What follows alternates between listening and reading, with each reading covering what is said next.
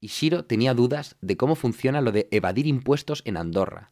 Yo de eso no sé mucho, no vivo en Andorra, pero sí sé de impuestos. Eh, temas de IVA, IRPF, impuesto de sociedades, mm, no sé, todo ese tipo de cosas sí que sé.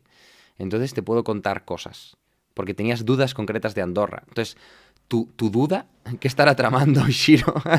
Está haciendo un trabajo sobre el tema. Entonces, eh, tu duda era eh, cómo funciona ese tema, ¿no? O algo así. Em, no les diré. Entonces, básicamente, em, tú en, Tú cuando desarrollas... A ver, bueno, o sea, te voy a explicar súper super. Si hay alguna persona que ha estudiado de esto, sabrá más que yo, ¿vale? Pero tú cuando desarrollas una actividad eh, de la que obtienes un rédito económico, una actividad eh, económica, una actividad profesional, básicamente a ti te pagan dinero. Entonces, em, dependiendo de cómo funciona, mira, por ejemplo, Em, tú imagínate que... Em, esto en, Patreon se ve bien. Tú imagínate que tú quieres ser Patreon mío.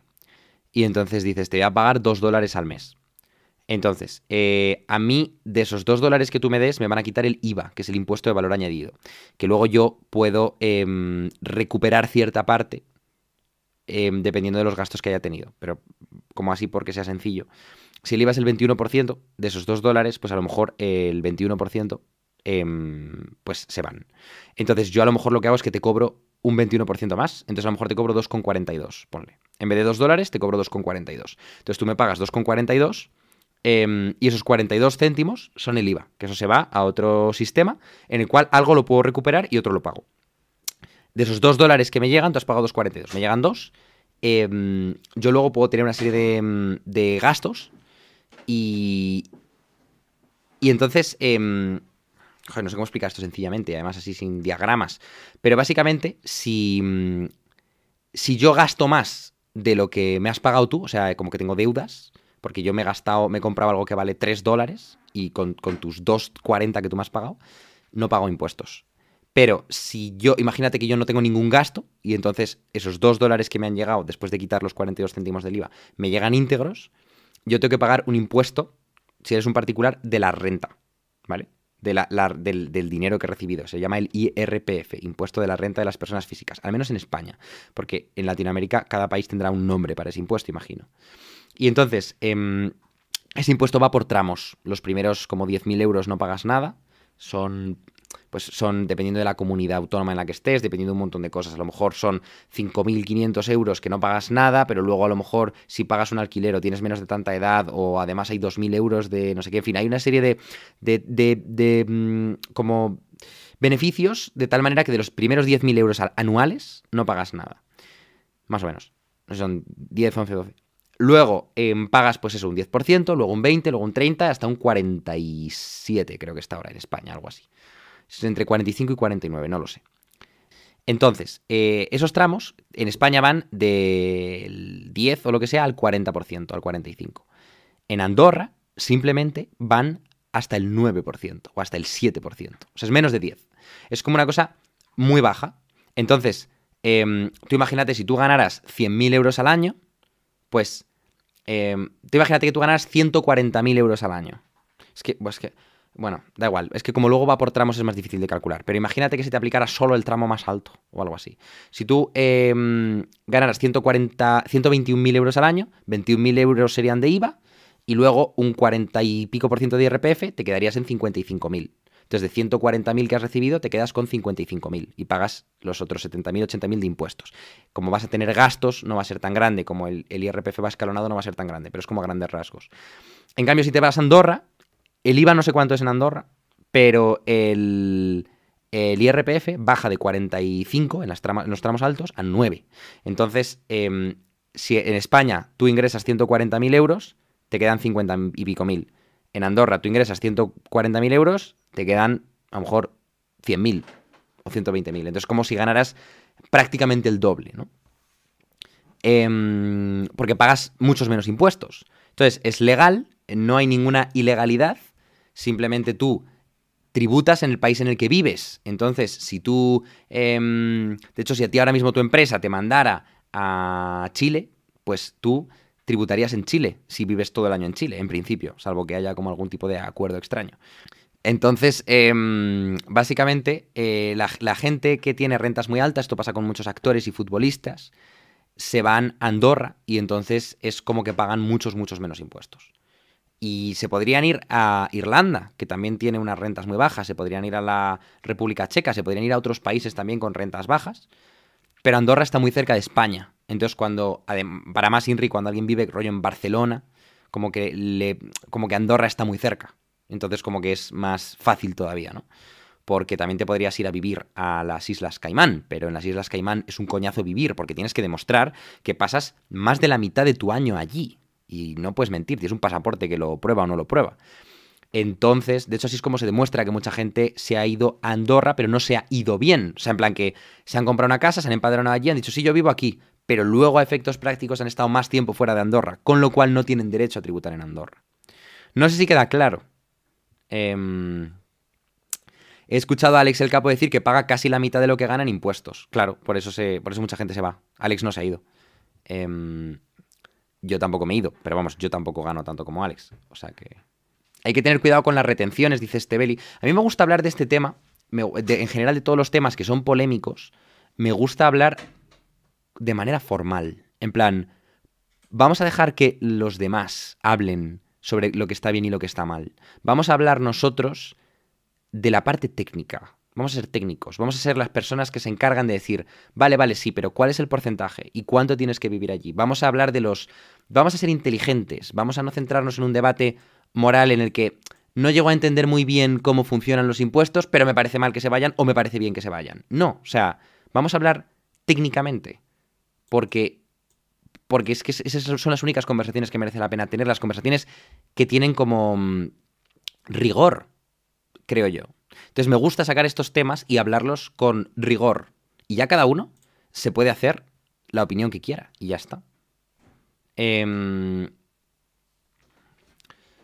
hay que tener cuidado con las retenciones, lo que pagas en IRPF en las nóminas. Hay muchas empresas que nada más entrar lo ponen bajo aposta. Sí. Yo me di cuenta a los cuatro meses y ahora el IRPF sido una putada. Claro, eso pasa, por ejemplo, y Shiro. Esto no sé si te sirve ya. Pero mm, básicamente lo que pasa es que ponle que tú tienes que pagar eh, un al final un 30% de tu sueldo, porque estás en ese tramo, en, bueno, es que va por tramos, entonces, si tú estás en el tramo del 30%, no es que pagues el 30%, porque en los tramos anteriores no has pagado el 30, has pagado menos. Entonces, el equivalente es que pagas menos. Pero imagínate que en total tienes que pagar un 30%. Pues si a ti te paga un sueldo una empresa, en vez de ser rollo autónomo o ser tú la empresa, si a ti te paga un sueldo la empresa, imagínate que la empresa te paga, eh, pues yo sé, 5.000 euros al mes, para ir a como mucho dinero. Eh, si la empresa te paga 5.000 euros al mes, te, mm, te los pueden dar íntegros prácticamente. En plan, toma 5.000 euros. Y entonces tú, vas, tú vives feliz gastando, imagínate, 4.000 euros al mes y ahorrando 1.000, lo que sea y de pronto llega la declaración de la renta y Hacienda te dice, oye, me tienes que pagar el 30% de tu sueldo. Es decir, me tienes que pagar el equivalente a, los, a 1.500, 2.000 euros al mes, me lo tienes que pagar de lo que has ido ganando este año. Pero a ti la empresa te ha dado el total y tú te lo has gastado ya y dices, me cago en la puta, no había contemplado eso. Entonces se ha inventado una figura que es la retención. Y la retención es que la empresa, en vez de pagarte a ti los 5.000 de tu sueldo, te paga, imagínate, 3.000 y 2.000 se los da Hacienda en tu nombre, pero Hacienda no puede saber cuánto te tiene que cobrar de impuestos hasta que no se cierra el año fiscal. Entonces, Hacienda lo que hace es una estimación que es como la misma estimación que hacemos nosotros de horas de hoy que luego se pasan a horas totales. Nosotros estimamos que hoy se han trabajado unas 300 horas, pero como luego hay gente que se ha ido y que no le ha dado DT, en realidad no han sido 300 horas, han sido 253 horas totales. ¿eh? Esa es la gracia. Entonces, esa corrección de la estimación es la declaración de la renta. A ti, tú todos los meses, la empresa paga en tu nombre, con tu dinero, pero en tu nombre, tu impuesto de renta, y al cabo de un año se corrige esa estimación. Si han pagado de más, te devuelven. Por eso se dice, por eso lo habrás oído mil veces, en la declaración de la renta, la gente dice, em, me toca devolver, me sale devolver o me sale a, o sea, me sale a recibir dinero o me sale a pagarlo, básicamente. ¿Por qué es eso? Porque la empresa en tu nombre se ha pasado de frenada y ha pagado más impuestos de los que te correspondía pagar y Hacienda te devuelve lo que te has pasado, o porque han pagado menos impuestos de los que te correspondía pagar y Hacienda te da de más. O sea, Hacienda te pide lo que te falta por pagar.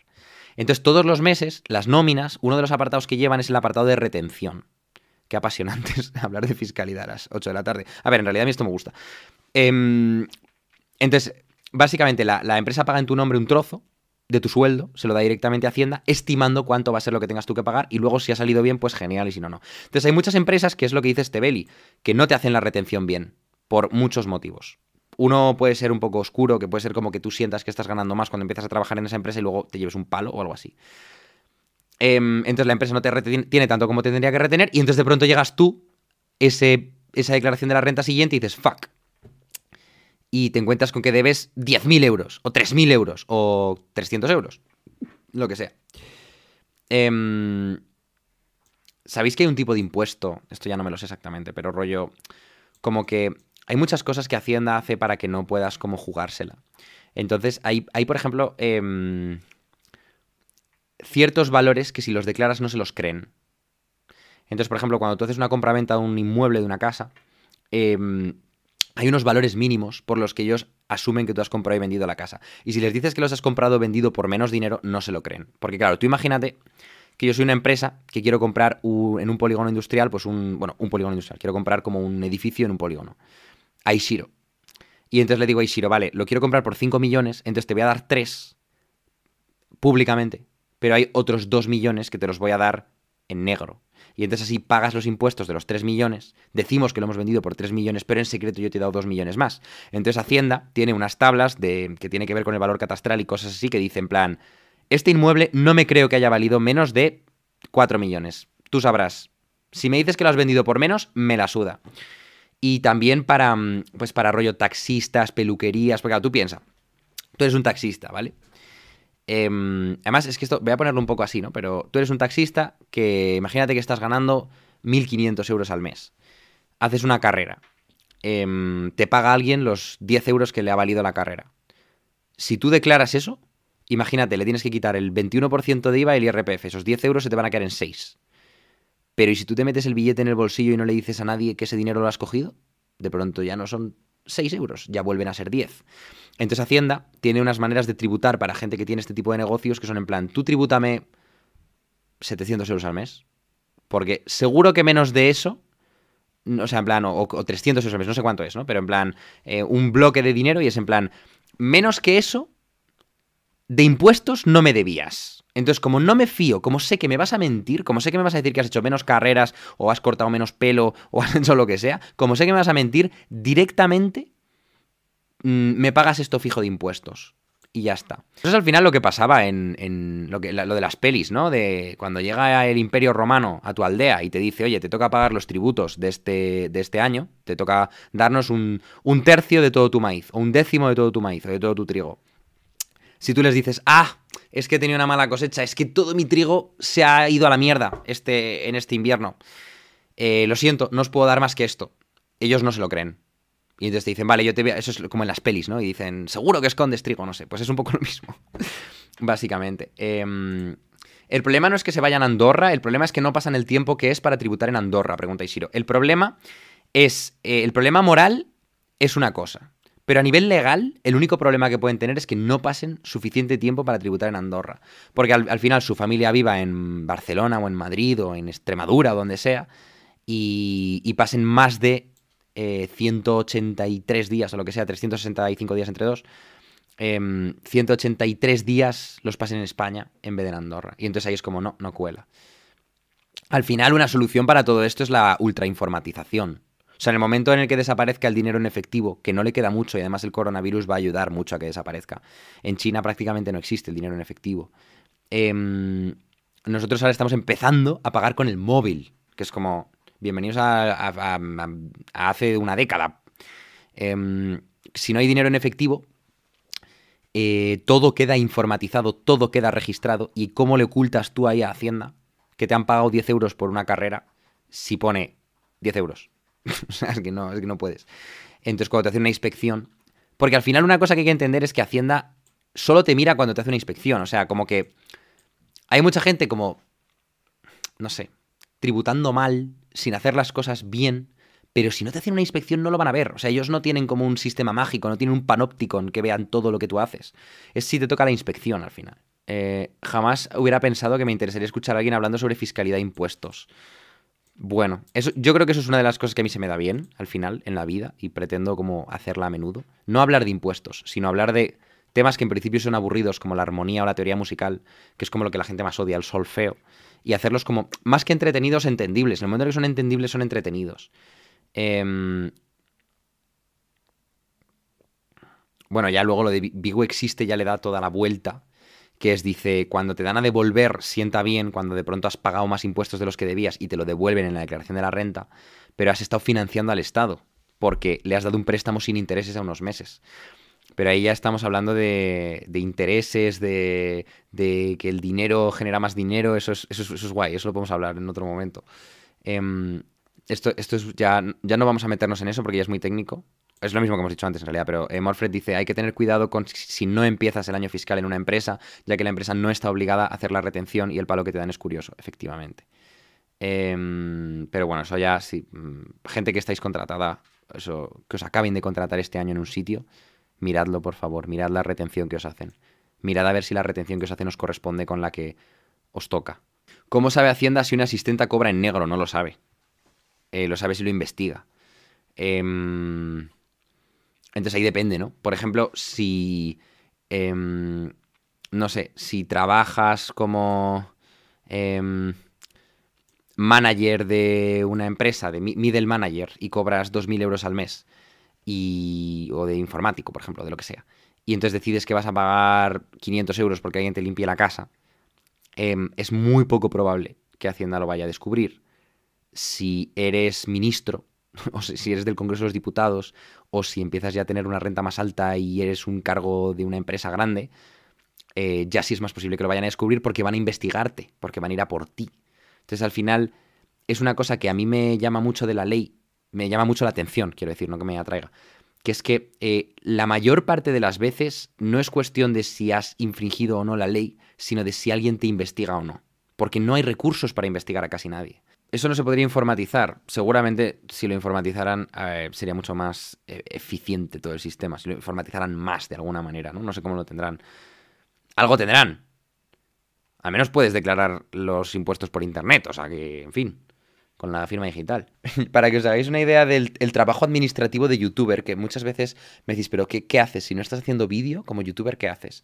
Pues por ejemplo, me ha llegado un email de que van a cambiar, eh, justo el otro día hablábamos de impuestos, van a cambiar la manera en la que se piden impuestos a los Patreons que son de eh, ciertos países que ninguno es ni España ni Latinoamérica, que es donde tengo yo la mayoría de mis Patreons, es rollo Emiratos Árabes Unidos, Japón, Estados Unidos, Bielorrusia.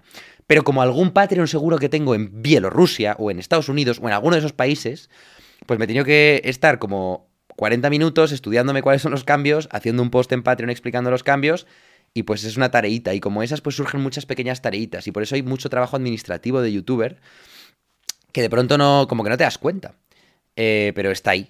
Y pues sin más, solo para que lo sepáis, por compartir.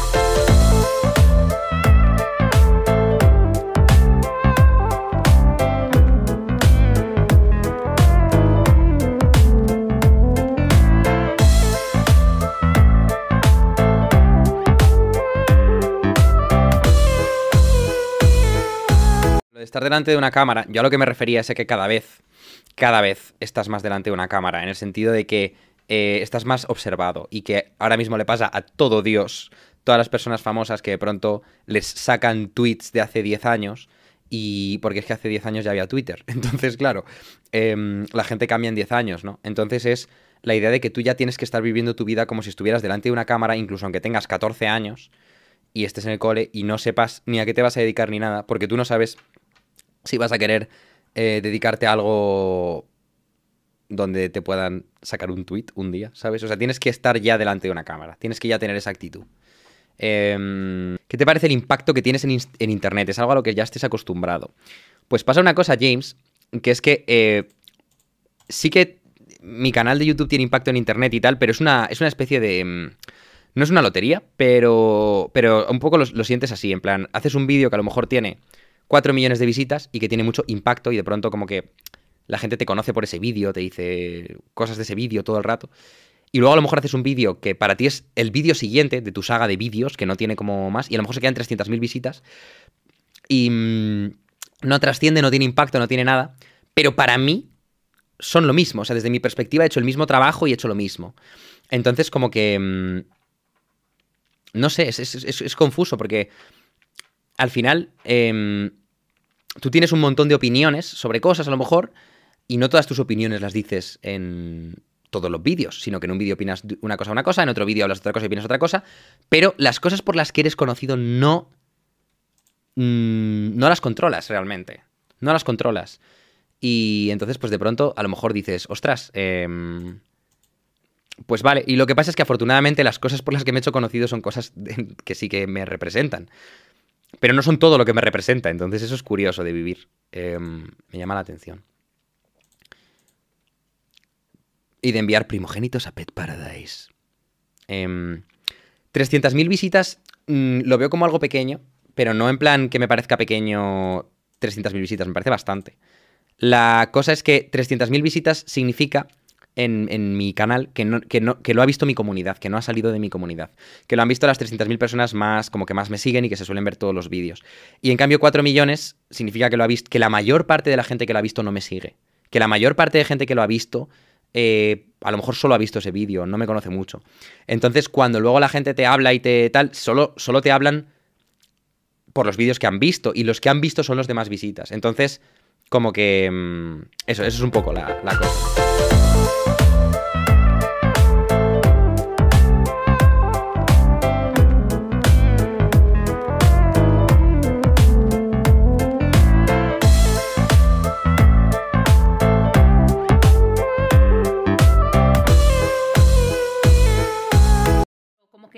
Sobre ellas mucho, ¿no? Tengo la sensación. Perdona, es- ha salido el, el gato loco este, porque alguien, ¿Cómo mola el gato? Rubius, gave 50 Tier 1 Community Subs. ¿Cómo? ¿Dónde, Rubius? Aquí, no sé si será... Pero no será el Rubius, no creo que sea ¿no? Rubius, no lo sé, a lo mejor sí. Gifted You never 50 know. tier, one susto de community. ¿Eso qué quiere decir? Alguien ha donado 50 suscripciones. 50 suscripciones y han caído aleatoriamente. ¿Sí? O sea, Vale, claro, vale, vale. no sé, esto no me ha pasado nunca. ¡Qué guay! Pero, Oye, pues espera, si momento- ha sido el Rubius, entonces, o sea, esto es como, como que te bendiga Abraham. O sea, yo me considero bendecida, pero de ¿por qué no comprobamos ahora mismo si es el Rubius? Porque si ha sido el Rubius, yo ah, creo mira, la que- gente me dice que sí, yo me fío de, de mi chat. O sea, esto es como, como en la Biblia, ¿sabes? Como que el... el- Lleva- el- Llévatelo a la Biblia, sí, el- por favor. Sí, no, aquí no- nosotros seríamos Abraham. Pero de Y verdad, ¿no Abraham, Abraham se llama Abraham antes. Y entonces Dios le hace un contrato, le hace una bendición, le dice, si sigues lo que yo te diga, puedes ser Abraham con H intercalada. Le da la H intercalada y otra A más ¿Eso te para lo acabas de? No, Abraham pasa a ser Abraham con H intercalada y con un hueco en la A. Y entonces esto es lo que acaba de ocurrir. Que de pronto somos Abraham. Claro, hemos pasado, o sea, esto es como la bendición del líder de la comunidad. Me está haciendo muchísima ilusión. Sí, o sea, a mí que, también, joder. Que el Rubius es como, no sé, es pionero en, en- en todo lo que tiene que ver con Internet, ¿sabes? Es un referente. Lo estás Sí, mirando- sí, es él, efectivamente es él. Sí, confirmado. Bueno, ya está confirmado. Esto es un hito en tu carrera. Esto lo tienes que poner en tu currículum. Hombre, hemos pasado, hemos pasado de ser Abraham a ser Abraham con H intercalada. ¿Vale? El Rubius nos ha concedido la H intercalada y la A. Lo de Abraham y lo de la H intercalada, eso... Tengo, tengo un montón de historias de la Biblia preparadas para cuando vayan surgiendo hitos, como puedes comprobar. Pero el... La siguiente parte es que Dios pide a Abraham sacrificar a su primogénito. Ahí no vamos a entrar. Nos- claro, somos Jaime. Jaime con H. Claro, nos hemos convertido en Jaime. Jaime y Teer. Pero Jaime y Teer. pero a el- partir de ahora somos Jaime y Teer. me hace mucha ilusión. Pero yo me puedo incluir, Sí, sí, por supuesto. seguro. Si no, te lo dejo a ti, ¿eh? Hombre, bíblicamente, tú y yo somos un matrimonio, eso es muy sagrado. Seguro, seguro que por extensión la bendición te llega a ti. Extensión. ¡Jo, qué guay! Jaime y Teer Y mi IQ, y ¿no? Jacobo Montañitas. Pero una cosa, ¿no te parece? O sea, no solamente es una bendición, sino que siento como si de pronto el Rubius nos hubiera casado. Qué bonito. ¿Sabes lo que te digo? Ha bendecido el matrimonio. A ver, yo, si te digo la verdad, si tuviéramos una boda que yo quiero tener, Tendría la que oficiarla al Rubius. Básicamente. O sea, fundamental. Porque yo quiero una boda millennial. Yo quiero una boda- de mi generación. No una boda, ¿sabes? El, líder, el líder de la comunidad tiene que oficiar las bodas. Básicamente. Exactamente. Rollo como el capitán del barco. Como el capitán, el, el capitán del barco puede casar, pues Rubius es el capitán de YouTube. Y de Twitch. Y de Twitch también, o sea. Y de- Garland dice Memeo Rubius uniendo a Tertozano. ¿Cómo que Tertozano? No, Tertozano no es el nombre del shipping, no. Es Teime. Teime, por El- favor. Porque Teime es el nombre, aunque es verdad que está un poco cogido por los pelos, pero era el nombre más bonito. Porque Tertozano, lo que le pasa es que suena un poco como a marca de salchichón o algo así. Luego hay otro que es Hater, que suena a hater, y entonces por eso nos gusta. Dicen que Rubius es el cura en Karmaland. O sea, literalmente. Claro, Claro. Si es que. como tiene que ser. Si es que la Biblia eh, al final acaba funcionando. Tú te puedes. O sea, tú puedes barrer para casa y aplicarte la Biblia a tu movida. claro, hombre, pero si eso es lo que están haciendo ahora todos los traperos. O sea, como que la estética de los crucifijos Bueno, y las vírgenes y tal, pues yo he dicho yo lo mismo, pero con la parte técnica. Te puedes creer, bueno, es que esto es una blasfemia, pero te puedes creer que el libro de Esther, yo me llamo Esther. Hola, ¿qué tal? Bueno, pues el libro de Esther es el único eh, fragmento de la Biblia, tengo entendido, en el que no se menciona a Dios. O sea, ¿no te parece Ah, que eso es súper una, blasfemia? O sea, yo soy una hereje ya, de- ya en, en sí misma, ¿sabes? Eso es lo que yo tengo entendido. Ahora mismo no te lo puedo O sea, tú eres, tú estás en el libro en el que no se menciona a Dios, y yo en la Biblia soy Jacobo, que soy el que, el que agarra por el tobillo. Porque Jaime viene de Jacobo, y Jacobo en la Biblia, Jacob, es, eh, significa en hebreo el que agarra por el tobillo, porque agarra a su hermano porque quiere él salir antes del útero de su madre para ser el primogénito. Y de ahí viene el meme del primogénito de este Claro, canal. claro. No, pero Esther significa estrella, o sea, es una- está muy por encima, o sea, Te lo compro. Pero estrella sin Dios. vete a la mierda. Jacob es luego Israel, Dios le cambia el nombre, dice Nine Noir. Ah, le cambia el nombre. Sí, igual que Abraham. Bueno, pero tampoco se lo supercambia a Abraham. Ya Abraham le deja en plan que sea retrocompatible. Oye, una Porque la pronunciación, la pronunciación de Abraham es retrocompatible. Pero- Pero, la de, de Jacob a, a Israel no hay, no hay, la has cagado. Tengo una duda. Esther en la Biblia es, es con H. Esa H se la da Dios. Pero es que en principio Dios y Esther No, pero no, este, Dios no da H's. o sea, pero yo- Abraham sí. Abraham concretamente, pero no es como un track de Dios ir dando H's. Solo le- a Abraham le da Sí. una H. Y porque eh, será algún tipo de, de- de cosa en, en- en el hebreo antiguo, ¿sabes? Como que significará algo. Judith también tiene H. Estoy suscrita, gracias Rubius, ¿ves? Blue Light dice, estoy suscrita, gracias, gracias Rubius. Es decir, Blue gracias Light. a Dios. Gracias, gracias a Dios. Pues gracias Rubius. Mira, dice Alberto 2002, Ruth. Ruth también tiene H, ¿ves? Es que hay muchos nombres que tienen H en la Biblia. Pero no por Dios, no es que Dios se empeñara. ¿No es que Dios se empeñara? No. que tenga H, coño. Oye, pero podría ser como el branding. Branding. Sí, de, de las personas con. Sí, sí, de las personas de la Biblia. ¿Quieres estar en la Biblia? Ponte una H. Como los que, lo que- los que le dijeron a, a Facebook que se quitaran The, que se llamaba The Facebook, y lo pasaron a llamar Facebook. Pues Dios igual, en plan. Oye, un segundo, voy a traer a Miku, ¿vale? Venga, Solo vale. para que salude, que me hace mucha ilusión. Abraham en hebreo significa padre exaltado, y Abraham con H intercalada, padre de todos.